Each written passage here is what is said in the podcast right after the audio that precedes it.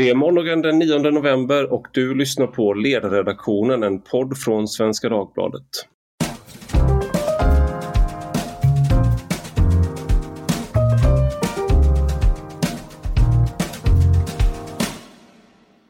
Jag heter Ivar Arpi och idag ska vi prata om Corona igen. För Covid-19 sprider sig nu i stora delar av landet och både sjukhusfall och dödstal ökar igen. Mellan vecka 41 och 44 så gick antalet nya fall per vecka från 4 300 till 18 500 vilket är en fyrdubbling på fyra veckor. Så vad har vi lärt oss sedan i våras och vad verkar det som att vi inte har lärt oss? Med mig för att prata om detta har jag Tove Fall, epidemiolog vid Uppsala universitet. Välkommen! Och Joakim Rocklöv, epidemiolog vid Umeå universitet. Välkommen du också! Tack! Och eh, jag tänkte jag skulle börja så här, för så sent som för en månad sedan så sa Anders Tegnell, vår statsepidemiolog, att det nog inte var en andra våg vi såg. Och då var det med anledning av en analys som man hade gjort vid KTH av avlopps, avloppsvattnet i Stockholm där de såg att smittan ökade snabbt och var på väg mot vårens nivåer, menade de då. Eh, och då fick Tegnell frågan om han trodde att Sverige skulle få slippa en andra våg och så svarade han så här. Ja, jag tror att det finns goda skäl att vi kan slippa en andra våg på det omfattande sätt vi ser i andra länder just nu. Vi har inte haft väldigt strikta åtgärder och det tror jag är en viktig aspekt. Vi ligger kvar på samma restriktioner som vi har stor acceptans för. Tove Fall, eh, vad säger du eh, om det här och liksom varför, vad det verkar slapp vi inte en andra våg. Nej, men jag tycker att det är tydligt just nu att vi är inne i en väldigt stor ökning av smittan i Sverige och att vi riskerar att få en väldigt besvärlig vinter. Eh, men det här viruset har ju visat sig ganska svårt att förutspå förändringar i, men att man måste nog ta en del höjd i sina riskvärderingar framöver. Vad tänker du Joakim om det här med att vi nu, det vi nu ser. För det, det ett scenario som eh, föreslogs från Folkhälsomyndigheten var att vi skulle få en, många lokala utbrott men inte allmän samhällsspridning igen. Och nu verkar det som att det är precis tvärtom. Va, va, kan man dra någon slutsats av det här? Ja, alltså jag tänker bara att det, det här med att, att vi faktiskt eh, kunde kunde ha en situation med mer lokala utbrott och, och inte en andra våg, det, det var väldigt avhängt på hur snabbt vi agerar och hur kraftfullt vi agerar.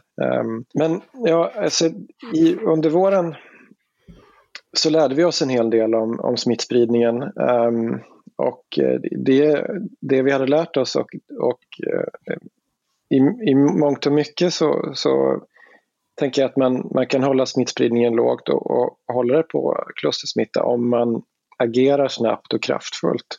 Och eh, med de här regionala åtgärderna, att man, att man kan gå in i en, i en um, mer åtstramande um, regional uh, nivå än, än det nationella så, så borde vi kunna hålla uh, smittspridningen lägre generellt sett. Um, men det kräver ju då att man, att man verkligen uh, förstår att det är, det är risk för en andra våg. Um, uh, och att man agerar i tid. Um, och att också det budskapet går ut snabbt. Nu ser man ju till exempel att från Google eh, rörelsedata och från mobiltelefondata att det ser inte ut som att att vi har förändrat vårt beteende lika mycket just idag som, som vi gjorde i våras. Och, um, det, det, är möjligt att man till viss del har liksom släppt på, um, på sitt, sitt liksom restriktiva sociala beteende och, och, inte förstått att, att det finns uh, hot uh, med en, en, en kraftig andra våg. Och, um, så det är, väl, det är väl en möjlighet varför det ser ut som det gör idag. Eh, jag tänker också Tove, du, jag vet att du eh, kollar på smittspridning och smittspårning i Uppsala och det har ju varit en av de mest drabbade städerna. Så om man liksom borrar ner sig i specifikt då, så hur ser det ut i, i Uppsala och finns det någonting som sker i Uppsala som man kan lära i, i, andra, i, i andra delar av landet? Jo, men det är ju lite intressant för att man, man, om man tittar på totalen så ser man ju en bild och det kan kännas som att smittan finns precis överallt omkring en. Men när man går in på lite mer detaljerad data och tittar till exempel på postnummerområden som vi gör, både på sjukhusinläggningar och på var man testar positivt och så vidare, så ser vi ändå eh, små regionala mönster. Så det är ju eh, inte så att, visst smittan finns överallt, men den finns mycket mer i vissa områden. Mm. Men sen skulle jag vilja lägga till lite av vad till Joakim säger också, att vi har ju inte haft den här pandemin i ett år än och eh, det verkar ju finnas väldigt starka säsongseffekter på det här viruset, precis som det gör på andra coronavirus. Och det gör ju att vi kan inte vara säkra på att de åtgärder som räckte i april-maj kommer räcka nu i december-januari med tanke på solljus och luftfuktighet och temperatur och sånt och också att man vistas mer inomhus naturligt. Så att eh, ja, man ska vara försiktig med att vara säker på att de åtgärder som räckte i våras kommer räcka nu under vintern. Och det, om jag har förstått det rätt och om man tar det så är det att viruset har lättare att eh, överleva när det är kallt och det har lättare eh, att det, det, trivs bra i, i kyla och i torr luft. Eh, om jag, alltså det gäller generellt om, om coronavirus eller har jag, har jag fel i det? det? Jag vet inte vem som ska svara. Ja, du kan ju gärna svara om du känner dig hågad. Uh, det, fin det, finns ju studier som visar på att det kan vara lite komplexa men generellt ja, så ser det ut. Vid lägre temperaturer Eh, Eh, gärna lägre luftfuktighet. Ehm, så, så, så verkar det som att viruset klarar sig lite bättre. Och det är väl inte egentligen någonting nytt. Men sen så finns det också en annan del ehm, och det är också vårt beteende. Det här med att när det blir, ehm, eh, när det blir kallare, när det blir mörkare så, och vi liksom på vintrarna så är vi mer inomhus. Och det är ju en annan del som är mer beteendekopplad som man diskuterar mycket ihop med andra, till exempel influensaspridning. Eh, vad som driver säsongsmönster i, i många sjukdomar. Eh, vad, till vilken del är det liksom väderförhållanden och till vilken del är det att vårt beteende förändras. Um, och det är väl inte helt klart här, utan de två sakerna händer ju ofta lite samtidigt, så det, det, det är lite svårt att, att uh, skilja dem åt. Just det, man ehm. skulle vilja ha en grupp människor som levde utomhus på vinterhalvåret som man kunde jämföra med. Ja, exakt. Eller. Men jag tänker också det man känner till om um, till exempel det här med uh, droppsmittare och, det som, som kan finnas kvar i luften efter man har nyst eller hostat eller uh, och kanske till och med om man har uh, ropat eller sjungit. Sådär. de partiklarna gynnas av att det blir torrare för då kan de vara kvar i luften längre. Om det blir fuktigare så, så blir de lite tyngre och, och faller ner snabbare. Då. Så det kan finnas sådana mekanismer också som förklarar. Det blir ofta väldigt torrt inomhus. Eh, speciellt då i våra nordiska länder eftersom vi värmer upp eh, inomhusmiljön ehm, eh, mycket också så blir det torrare och förmodligen då mer gynnsamt i de miljöerna.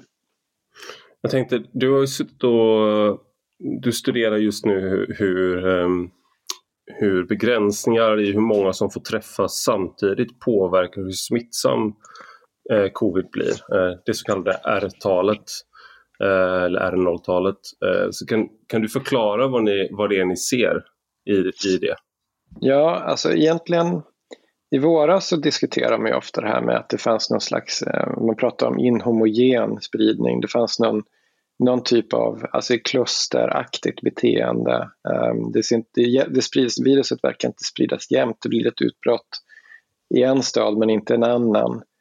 Uh, eller i, i en kommun men inte en annan och sådär. Och det är lite um, det var inte helt tydligt i våras men nu blir det mer och mer tydligt att det, verkligen, det här viruset har verkligen ett, ett, sånt, eh, ett sånt spridningsmönster. Mm. Och en av faktorerna som, som kan förklara det är då att man har den här superspridningen. Och su superspridningen innebär egentligen att man har, ska man säga att man liksom pumpgasar spridningen. Men det finns liksom, eh, det blir små explosioner av, av kluster av, av sjuka eh, lite här och var. Och sen så finns det eh, andra som har varit infekterade som inte sprider någon till någon annan alls. Liksom. Ehm, och det där gör delvis att man kan förstå det här eh, klusteraktiga beteendet som viruset har i spridningen och varför det i, ibland då kan bli ett utbrott i en stad men inte en annan eller en region och inte en annan och sådär. Ehm, och när man tittar på just den typen av spridningshändelser, superspridning, det, det betyder då att man pratar om ett R-tal och R0-talet eller R-talet generellt sett, reproduktionstalet, så, så brukar vi, vi pratar väldigt mycket om att det låg någonstans mellan 2 och 3 under våren. Mm. Um, men egentligen så, så ligger förmodligen, alltså det medelvärdet ligger någonstans där av R-talet. Egentligen så är det förmodligen en hel del individer som har liksom ett reproduktionstal som kanske är 30 eller till och med 50. Liksom. Mm. Uh, och, och det, det, är alltså hur många personer som varje som, som man smittar? Ja. ja. Och sen är det nog förmodligen många som har en, ett R-tal som är liksom kanske jag men, nästan mot noll och ett väldigt lågt. De allra flesta har förmodligen ett väldigt lågt och kommer faktiskt inte sprida det till, till så många. Och då får man um, det, om man om, om man nu liksom börjar ta hänsyn till det så, så kan man förstå effekten av um, vilken effekt de här begränsningarna i hur många som får samlas på samma ställe och event och sådär, vilken effekt det kan få. Och det var förmodligen en av de sakerna som gjorde att, uh, att Sverige ändå klarade sig ganska bra i våras enligt min egen analys och, även um, analyser från, från, från danska forskare. Uh, mm. Att vi, hade, vi satte de här taken för, för möten och sådär. om man, har, man kallar det liksom att man får en, en, en svans i R-talet som, som kan gå väldigt högt. När man sätter begränsningar till exempel på 50 eller i, som vissa länder liksom ända ner mot 10 då skär man av den här svansen i R-talet och eftersom den är så lång sprider sig så långt upp så får man en jättestor effekt på medel-R-talet, alltså när man, när man gör de begränsningarna. Um, en oväntat stor effekt. Så, så det är, finns då empirisk, en empirisk studie som kom för några veckor sedan. Um, som det här med svansen nu bör det är alltså normal, normalfördelnings, en vanlig normalfördelningskurva till exempel vad gäller IQ eller längden är fördelad som en, eh, symmetrisk. Som en ja precis, den är symmetrisk. Men här så har vi då en, en, en topp i början av normalfördelningen och sen så svansen, det är alltså de här extremvärdena där det finns många ja. extrema fall och det är de man kapar av då till exempel om du har en begränsning ja. på 10 personer som får, ses, som får träffas. Då, om du har ett R-tal på 30 eller 50 då kommer inte den, eh, de extremindividerna att kunna smitta Nej. så många. Exakt. Om jag förstår rätt. Precis, det är exakt det som, som är själva grejen och, och det, den här svansen då, de här extremvärdena som kanske motsvarar 10 eller 20 procent av, av infekterade individer som, som faktiskt kan, kan bidra till det, de, um, de bidrar till, så de blir väldigt tunga för den här medelvärdeskattningen av R. Mm. Alltså de bidrar mycket mer till, till eh, medelvärdet än, än, än de andra värdena. Så när man tar bort dem så kommer hela medelvärdet sjunka ner eh, substantiellt. Eh, och, och, då kan man då liksom få en helt annan eh, eh, eh smittspridningsdynamik när man, när man har tagit bort det. Och det var egentligen det som den här studien visade från empiriskt också då, från 41 länder, att det var en, en av de mer viktiga om man tittar på eh, åtgärder som satts in i 41 länder så kom det in som en av de viktigare eh, åtgärderna.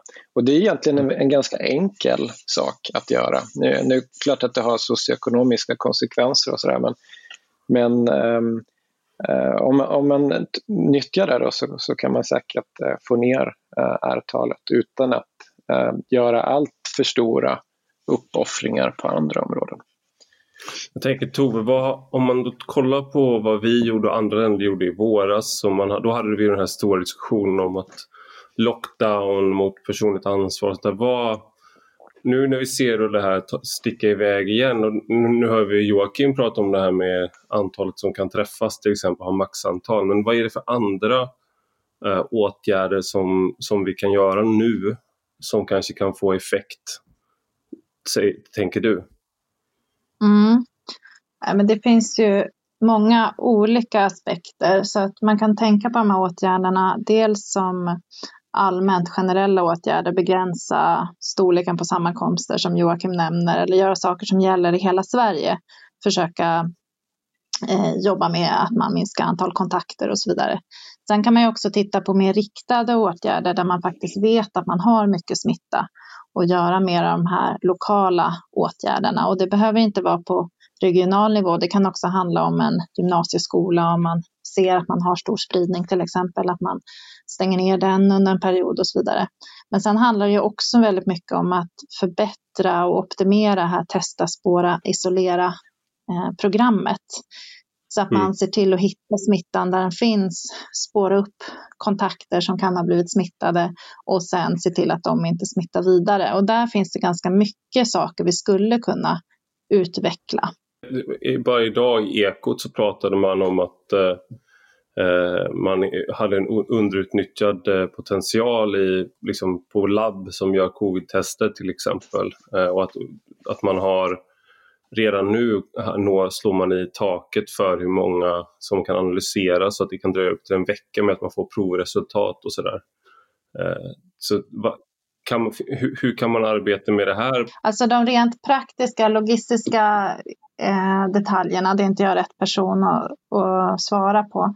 Men det handlar ju om att man försöker skala upp testningen och sen att man skalar upp smittspårningen. Att man till exempel som EU nu håller på att jobba med att eh, man ska ha appar för smittspårning, till exempel i den finska eller tyska modellen.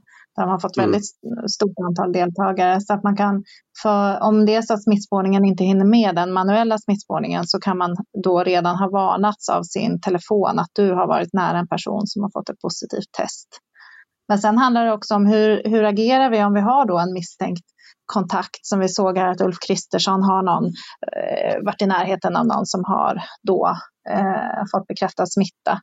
Och Eh, just nu så är det hushållskarantän som gäller om man bor i samma hushåll. Men vad gäller då om man eh, inte bor i samma hushåll men man kanske har en parrelation eller man har helt enkelt träffat en kompis någonstans inomhus under en längre tid som har smittan då är ju inte rekommendationerna att eh, man ska stanna hemma från jobbet, utan då är det att man ska vidta försiktighet och vara aktsam på symptom och sen jobba på distans om det går. Men har man ett jobb, till exempel i ett serviceyrke, så går ju inte det. Och där skiljer vi oss ju åt från många andra länder där man faktiskt sätter de personer som har varit i nära kontakt med en smittad i karantän. Så att det finns en hel del saker att trimma till helt enkelt. Jag, jag sitter just nu i karantän själv av just att jag blev intervjuad av en journalist i tisdags så vi satt och pratade en och en halv timme och det, han fick bekräftat att han är, eh, var, testade positivt då, och att han var positiv mm. när vi träffades. Eh, så då sitter jag i hushållskarantän eh, sen i lördags. Just det, så du stannar hemma? Alla, Ja, jag stannar hemma jag ville bara att alla lyssnare skulle veta det. Att jag, jag, jag spelar in det här från exakt samma plats som jag alltid spelade in men jag är också i karantän nu. Så jag kan inte gå mm. okynnes köpa någon, någon lördagsgodis eller sådär. Men fortsätt. ja, men det låter bra. Ja, nej, men en sak som vi också håller på att undersöka nu i Uppsala, det är ju här att vem är som går och testar sig när man har symptom. Då? Eh, och då ser vi att det skiljer sig åt mellan olika bostadsområden till exempel hur stor andel som går och testar sig. Eh, och att det här inte verkar höra samman bara med det allmänna smittläget utan har andra faktorer. Så hur man når man ut med information till exempel om eh, de här åtgärderna? Och det tycker jag generellt jag har inte sett någon studie på det, men man förutsätter ju på något sätt att folk tar till sig samhällsinformation. Men hur vet vi att de gör det? Och gör man det i alla grupper? alla åldersgrupper mm. till exempel eller olika eh, socioekonomiska grupper. Så det är någonting tror jag, för att, för att det här ska gå och stoppa smittspridningen, då måste alla vara med och vara, veta om hur man ska agera och också ha möjlighet att agera så att man eh, får rätt ersättningar och så vidare. Eh, så att det inte det blir en enorm personlig uppoffring att följa rekommendationerna, för då kommer inte alla att göra det. Jag tänkte, eh, just i Uppsala så ligger ju Gottsunda som är ett utsatt område. och du har ju kollat då på smittspårning och smittspridning och där vet jag att det var en nyhet på SVT häromdagen att en tredjedel av alla som testas i Gottsunda eh, har, får ett positivt resultat. Eh, de visar att de har mm. covid. Eh, och, då, och då tänker jag att eh, min fördom här är att sådana som jag till exempel då som är liksom högutbildad och, man allt, och allt det där Eh, då, då är man snabbare med att eh, reagera och testa sig och vilja testa sig medan om du är längre bort, för alltså du kommer från ett annat land eller liknande så är min fördom att du kanske väntar längre och att det blir då en, en eh, skillnad helt enkelt på hur, hur benägen du är att söka vård. Är det något, är det något sånt du är inne tänker på nu att man är och, och att vi ja, kanske inte heller... forskning behöver man ju göra. Vi ser till exempel att kvinnor testar sig mycket högre utsträckning än män till exempel. Vad beror det mm. på? Svårt att säga. Eh, men vi har ju bland annat sett att det är viktigt att det är nära och lätt att testa sig. Att, eh, hur ska du, om du till exempel inte har bil, hur ska du då ta dig på ett säkert sätt till teststationen om den ligger 5-10 kilometer bort och du har eh, symptom, du är sjuk i covid helt enkelt. Mm. Eh, så där nu har man ju regionen öppnat en teststation och eh, glädjande nog så ser man att det ökar nu testningen i Gottsunda-området. Så att eh, det kan ju handla om sådana åtgärder också. Att man gör det tillgängligt och enkelt. Så att vi får se, men det behövs mer forskning och jag tror att det, det tar ju tid. Så under tiden så ska man se till att det är så enkelt som möjligt att eh, boka tid och att eh, det finns lättförståelig information om man inte är så bra på svenska och så vidare. Men det är viktigt att kartlägga de här sakerna.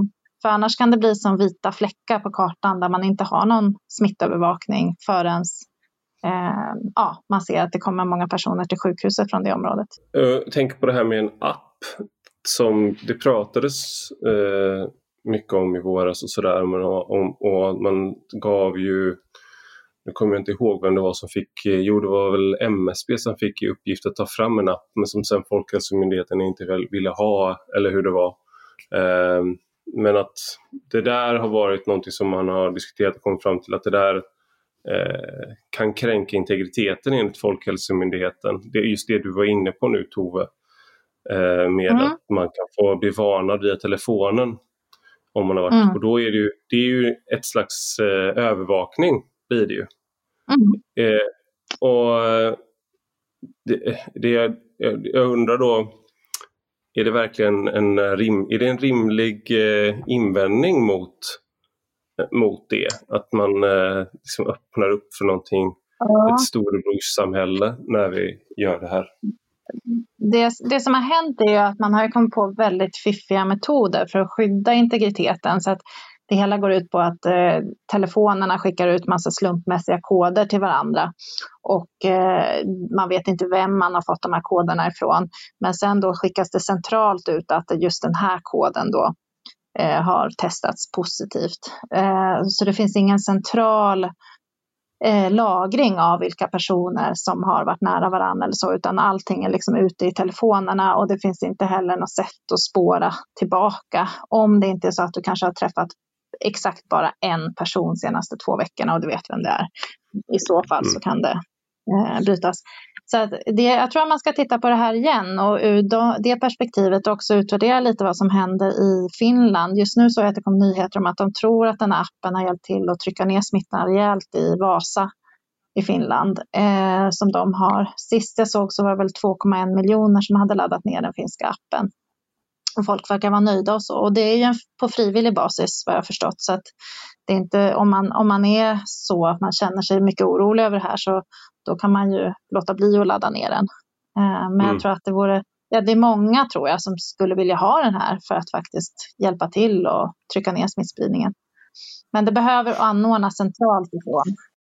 Man måste ju ställa det mot eh, de ekonomiska fördelarna med att, eh, att, att, hur man faktiskt kan trycka ner smittan om, om man använder en sån och uh, hur mycket enklare det blir att, att öppna upp samhället igen om, om man får jätte, alltså en, en funktionell smittspårning som kan hitta många fler fall. Speciellt när det är mindre fall då, så, så kan man ju säkert bibehålla en lägre nivå längre.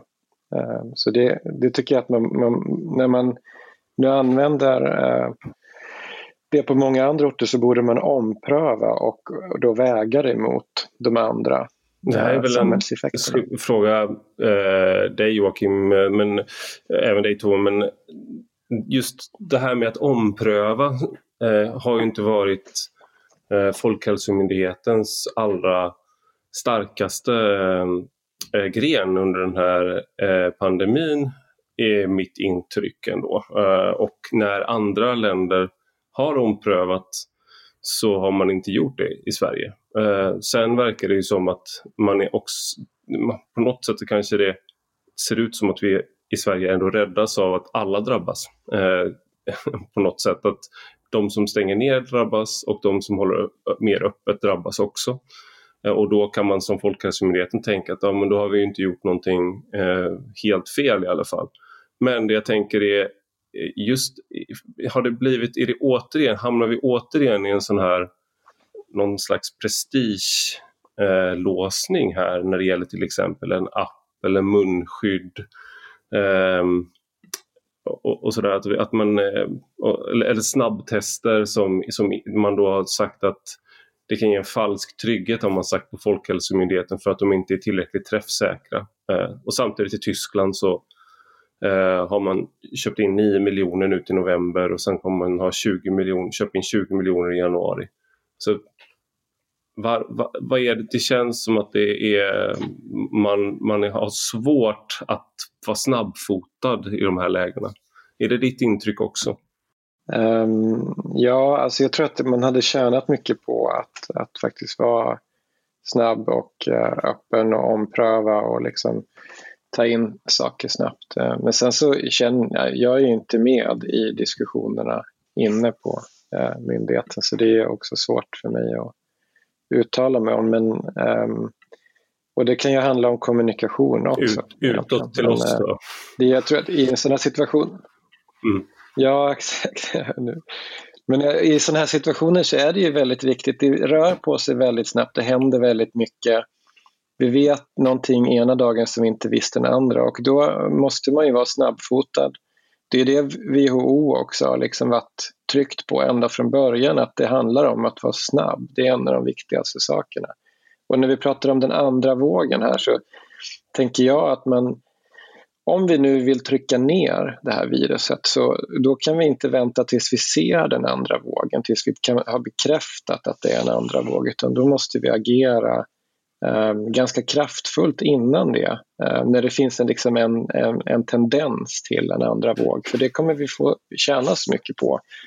Eh, det är mycket lättare att liksom hantera en en smittspridning som är på låg nivå än, än som är på hög nivå. Även om man, om man syftar på att få ner R-talet till strax under ett eller ja, men ungefär ett. Liksom. Har vi 10 000 fall så blir det 10 000 mm. nya fall av de fallen. Nästan. Liksom.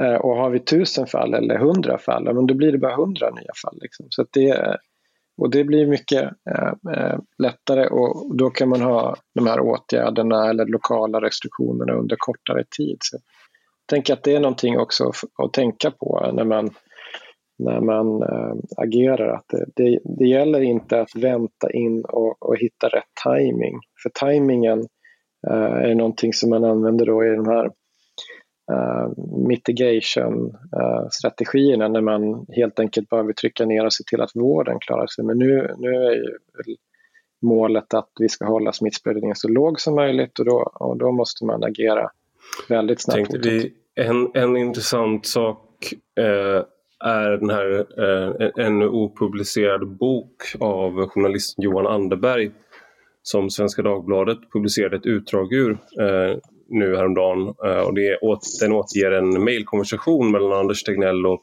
Pet Tyll, jag vet inte hur man uttalar hans namn riktigt, men han har alltså varit chef för Socialstyrelsens smittskyddsenhet som motsvarar ungefär Tegnells eh, nuvarande position innan man bildade Folkhälsomyndigheten. Eh, och då, I den här mejlkonversationen så diskuterade de tre strategier eh, och då skrev Tyll att eh, den första alternativet är en total nedstängning av samhället i fyra veckor. Det andra alternativet är att hitta så många smittade som möjligt, spåra alla närkontakter och sätta dem i två veckors karantän. Och det, här, det här sker alltså i, i, i början av mars. Eh, och det tredje alternativet var då låt smittspridning ske långsamt eller fort för att uppnå en hypotetisk eh, flockimmunitet. Och Tyll förespråkade nummer två. Ehm, och han menade då att alternativ tre skulle leda till tusentals döda. Ehm, och det så skriver han så här, och det framgår för mig som en uppgiven och huvudlös strategi, vilket jag aldrig skulle ha accepterat i min tidigare roll. Ehm, och sen svarade Anders Tegnell då att jo, vi har vandrat igenom detta och trots allt landat i tre. Det vill säga att man ska låta smittan gå genom eh, befolkningen. Um, då tänker jag att det är Tycker ni, för vi hade den här diskussionen mycket, det var en väldigt aktiv diskussion för ett halvår sedan eh, om man hade haft flockimmunitet som strategi och Folkhälsomyndigheten hävdar att nej, det är ett missförstånd att, att vi skulle ha haft det. Och nu så säger folk att det här har vi en smoking gun på att det faktiskt var en strategi. Hur, hur, hur tänker ni kring det här? Eh, är det ett bevis för att man faktiskt hade flockimmunitet som strategi? Jag vet inte om det är ett bevis. Eh, det är, det är svårt men det indikerar att det fanns med i, i, i tankebanorna. Och det var ju flera andra saker också som, som också indikerar till exempel det här med att man väntar med till rätt timing. Det var mycket snack om timing och det är ju inte relevant om, om man vill trycka ner det. Um, och sen så tänker jag att man, det diskuterades ju också och framfördes väl, jag vet inte om, om det var liksom myndighetsföreträdare eller andra, det här med att, att eh, dödligheten nog inte var så mycket högre än influensa och kanske till och med lägre än influensa. Och, sådär. Just det. och att vi snart kommer ha nått flockimmunitet i april eller maj och sådär. Så även om det inte var, det fanns, det fanns väl med liksom på spelplanen då. Uh, och och hade dödligheten visat sig vara mycket lägre så hade det väl kanske varit liksom en, en bra strategi. Mm. Men nu var det inte det. Jag tänker Tove, du, eh, när, vi, när vi skulle prata om det här så skrev du till mig att du, inte hade någon, du ville hellre prata om vad man, eh, vad man ska göra framåt och hur vi ska göra nu än att diskutera vad vi gjorde för fel då. Eh, är, det, är det här liksom ett exempel på, och nu tar jag upp det igen här i podden, men också den här artikeln att, att vi liksom uppehåller oss i vad gjorde Tegnell för fel i mars istället för att mm. prata om vad vi, vad vi ska göra här och nu. Ja, precis. Man står, man står i ett hus som brinner och pratar om vad som hände förra gången det brann. Ja. Jag tror att det vi kan lära oss är ju att det är bra med transparens, att ha beslutsunderlag på pränt. Att eh, vara transparent mot befolkningen tror jag kan minska risken för sådana här eh, diskussioner och misstankar. Så att säga. Mm. Eh, så jag tror nog att vi är lite sega i Sverige också, liksom, känns det som att nu är det mycket som liksom det tar lite tid innan man förstår att det här är på väg tillbaka på bred front. Och eh, ja, jag skulle ju säga, nu vet jag att det är mycket semantik kring det här med vågor och olika mutationer och sånt, men jag skulle ju säga att vi är mitt inne i en liksom, ny stor eh, smittspridning. Um, mm. och det finns ingen som talar emot det. Um, och jag tror att vi måste göra det vi kan. Vi ska göra de rimliga åtgärder som går för att hejda det här nu. Och då är det viktigt med en transparent diskussion och att akademin får vara med och, och diskutera och att man har en tvärvetenskaplig approach. Det handlar ju liksom inte bara om virologi eller immunologi eller epidemiologi utan det handlar ju också om hur organiserar vi oss som samhälle kring äldrevård och ja, det behövs många olika kompetenser för att hantera det här på ett så bra sätt som möjligt. Det är ju en kris, liksom. det, är inte, det är inte så att vi kommer gå ur den här krisen utan att allt har gått perfekt. Det tror jag inte det kommer vara i något land, utan men vi måste ändå försöka jobba med det i nuet mm. så bra vi bara kan. Och en sak med det här då, som jag tyckte var väldigt eh, och som jag eh, man vet inte om man själv har bidragit till men det blev ju att vi har en tendens människor generellt att hamna i två läger och att det blev en sån det, för att prata lite epidemiologiska så bildades det två kluster i den här frågan förra vändan. Tror ni att man, det finns mm. något hopp om att vi nu när vi går in i det en gång till att vi inte får en sån skarp uppdelning utan att man faktiskt håller någon slags eh, kommunikation som fungerar. För att ett, ett problem när man fastnar i de här skyttegravarna, att det blir svårt att lyssna på varandra. Jag vet inte hur ni mm. upplevde det där, men det var, det var min upplevelse av det i alla fall.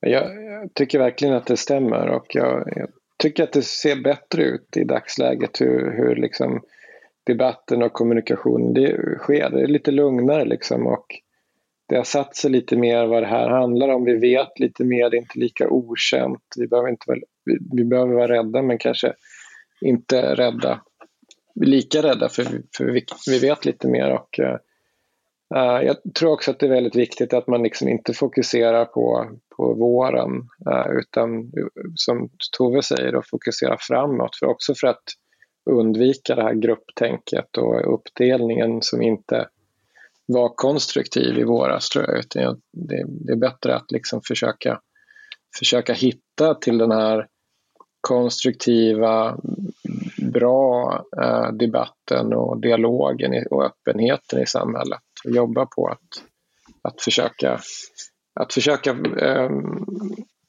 skapa en sån runt det här. Det blev ju som att om man tänker sig det bästa i, i forskarsamhället det är ju eh, ett, ett seminarium där människor med olika uppfattningar diskuterar konstruktivt och blir smartare allihop och att man kan faktiskt hitta, förbättra varandras tänkande. Men eh, vilket är liksom en ynnest att få vara i den typen av sammanhang. Men politik är motsatsen, det handlar om att vinna mellan två läger och att eh, då är det inte att man ska bli bättre tillsammans. Att, att framstå som lyhörd det kan vara framstå som svaghet men i, när det var som sämst i våras ibland i den offentliga debatten så blev vetenskapen reducerad till politik istället för att politiken blev mer som vetenskap om man, om man säger så. Jag tänkte det sista, det sista som jag vill, ville fråga er om, det har ju precis kommit en nyhet nu om att man har tagit fram ett nytt vaccin. Och Eh, tillverkaren säger att det funkar i 90% av fallen. Nu är det väldigt eh, oklart, jag har i princip bara läst rubriken och ingressen men jag tänkte om, om vad, vad ni, ska man hoppas på det här vaccinet? Hur tänker ni kring det? Tove? Ja, nej, men hopp är väl det vi behöver just nu tänker jag. Men eh, ja, om man tittar från vetenskapligt perspektiv så är det ju positivt att eh, företaget själv åtminstone tror på det här och att eh, de säger att det var bättre än vad de hade förväntat sig. Men vi måste ju läsa underlagen och låta läkemedelsmyndigheterna läsa underlagen och se att det här håller. Eh, och också hur, jag har inte sett något data på säkerheten och det är enormt viktigt att det här är ett säkert vaccin att ta. Men jag måste bara säga att gå ifrån ett nytt virus till vaccin på under ett år, det är helt, alltså att ha en så stark vaccinkandidat nu, det, det, om det går hela vägen så är det helt osannolikt och otroligt oerhört att eh, det har hänt. Eh, men eh, vi måste också ja, se lite mer data och eh, höra vad de olika myndigheterna säger om den här studien. Jag tänkte Joakim, vi kan väl avsluta med, för du precis innan vi skulle börja spela in så tipsade du mig om, eh, det här ännu en sak som jag inte har hunnit sätta mig in i då, men, eh, och kanske inte du heller, men att Socialstyrelsen precis släppte en rapport med statistik över den psykiska ohälsan och antalet självmordsförsök under eh, pandemin. och då visade det sig att vad gäller inrapporteringen av psykisk ohälsa och självmordsförsök så Eh, är trenden snarare fallande i de flesta fallen eh, och även vad gäller antidepressiv medicin. Eh, alltså utskrivningen av det. Och jag tänkte, det här var en sån där sak som man varnade för väldigt mycket, att vi skulle inte kunna hantera den här pandemin rent mentalt, att vi skulle bli ja, deprimerade, ensamma och självmordsbenägna. Har du någon tanke kring det där på, på stående fot? Ja, alltså jag tycker att det är väldigt intressant faktiskt och jag tror att det kan dölja sig ganska mycket olika faktorer i de där. Om, det är klart att man måste säkerställa först och främst att och, och det finns ju en risk att det liksom handlar om att det är eh, underrapportering därför att folk inte vågar söka vård, givetvis. Men det kan ju finnas andra faktorer också. Så jag tror att där, och där kan vi lära oss kanske någonting om om vårt samhälle och, och vårt moderna samhälle. Om, om, man forskar på det där, vad, vad, som nu ligger till grund för det, om, om, det, om det stämmer. Så jag, jag, jag ser med um, spänning fram emot mer uh, information och också vetenskapliga studier som, som belyser det från olika aspekter. Uh, mer än kanske epidemiologiska, psykologiska och sociala och vad det nu kan vara. Just det, men det visade sig att vi var inte sociala djur. Vi trivdes med att vara ensamma. Det är det hela problemet har varit att vi har blivit eh, itutade att vi har varit sociala hela vägen. Det bästa är att isolera sig från det övriga samhället, då mår vi bra. Det finns ju en... Eh, jag tror att det beror, beroende på vilken situation man är i så har man väl eh, varit mer alltså blivit mer drabbad eller mindre drabbad av det. Jag tror att det finns många som... Eh, jag upplever att det finns många som, som ser vissa saker som, som positiva i den här omställningen som vi gjort också. Och sen så finns det givetvis säkert, jag menar när man är rädd och när det är ett yttre, en, en, en, eh, en katastrofsituation, när det är ett yttre hot liksom, så, så kan det väl också betyda att man, att man um, att man, man skulle kunna inte vilja visa sig svag då eller inte vilja känna sig svag. Så det kan finnas andra saker mm. också där. Liksom. Uh, men det är inte jag rätt person att, att uh, spekulera, eller jag kan ju spekulera om det men jag har egentligen ingen kunskap om det. Det har vi gjort nu, men vi har, vi har inte slagit fast någonting i alla fall. Men eh, eh, jag vill ha, säga stort tack till eh, dig Joakim Rocklöv och dig Tove Fall för att ni kunde vara med i podden idag. Och tack till dig som har lyssnat. Eh, och har du några synpunkter eller frågor får du gärna mejla oss på ledarsidan snabel svd.se. Tack och hej!